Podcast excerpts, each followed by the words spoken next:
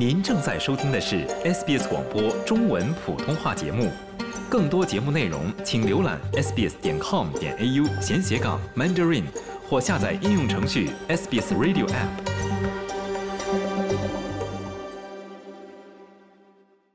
很多人都希望2023年能早点过去。这一年，世界产生了很多变化，但并非所有变化都朝着好的一面。俄罗斯入侵乌克兰、以色列和哈马斯之间的战争等事件加剧了通货膨胀。澳大利亚和全球金融市场受到了影响。美国霍伯肯史蒂文斯理工学院教授卡尔霍恩博士说：“通货膨胀会分散人们对影响世界进程等重要问题的注意力。” This concern with inflation is a 这种对通货膨胀的担忧掩盖了一系列更广泛的实质问题。这些担忧实际上已经从经济领域蔓延到了政治领域，进入了关于是否应该发动战争、我们应该如何应对俄乌战争和中东战争、如何处理与中国相关问题以及美国的政治分歧等问题。聚焦澳大利亚在过去十二个月的经济市场，这里也发生了一系列事件。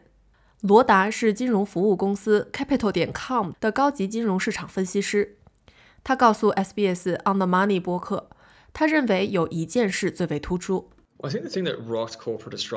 我认为对澳大利亚企业最大的震撼，可能是围绕澳洲航空公司 Qantas 的戏剧性事件。显然，这几年澳航获得了巨额利润，但同时也引起了广大客户的不满。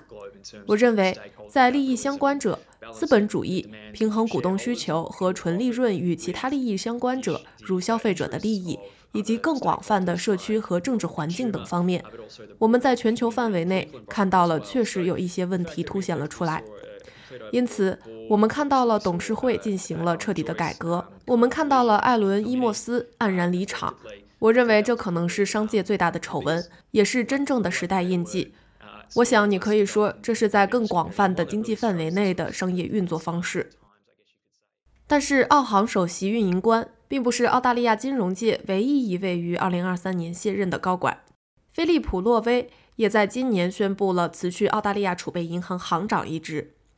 澳大利亚电信公司 Optus 的凯利·拜尔·罗斯马林也在十一月初，公司网络发生大面积故障，导致数百万客户在十几小时内无法使用网络服务后卸任。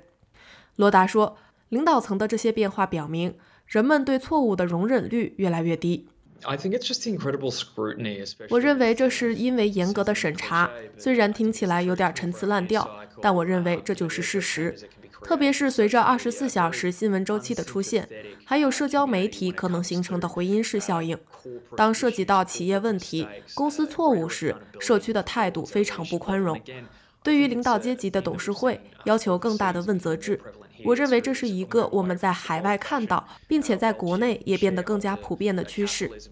从传统的以股东利益为中心的韦尔奇模式，转向了一种更注重利益相关者问题的模式。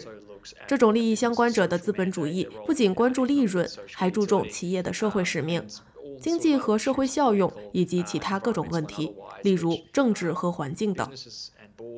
而企业和董事会必须更多地考虑这些问题，但同时他们也面临更严格的审查。这是因为媒体和信息技术的本质。因此，这意味着商业领袖现在处于非常微妙的境地，治理公司比以往任何时候都更加重要。二零二三年被许多人视为世界的过渡时期，人类仍然努力在从新冠疫情大流行的余波中恢复。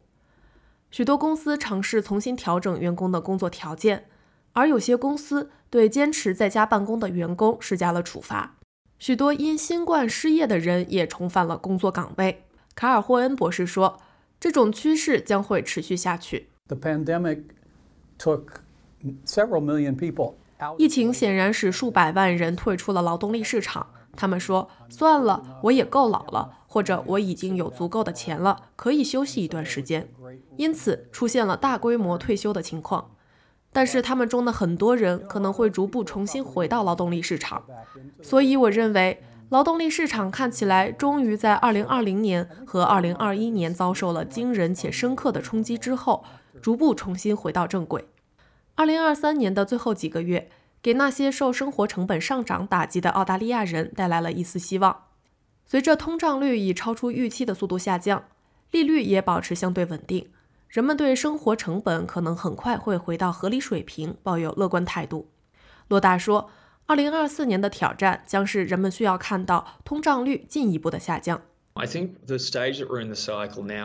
我认为我们目前处于的周期正是所谓的最后一英里问题，即基本完成了百分之九十的路程，情况很快就会好转。但是最后这百分之十的路程，例如从百分之三的通货膨胀率下降到百分之二的通胀率，可能需要一段时间。问题是这是否会发生？如果发生了，是什么因素推动这种情况的呢？是经济衰退吗？那本身就会成为另外一个问题。但我认为，公平的讲，就我们现在即将迎来的新年新经济形势而言，我们可以相当有信心地说，全球利率已经见顶，将会在明年某个时候回落。全球市场是否能最终摆脱通货膨胀的影响，在很大程度上取决于世界局势。两场持续不断的战争影响着企业和主要贸易线路。美国总统选举和欧洲议会选举即将到来，中国对世界金融的影响也越来越大。世界经济似乎正处于一个更岌岌可危的境地，新的一年也将迎来自己的新挑战。想听到更多这样的故事吗？您可以通过苹果播客、谷歌播客、Spotify 或者您喜爱的方式下载收听。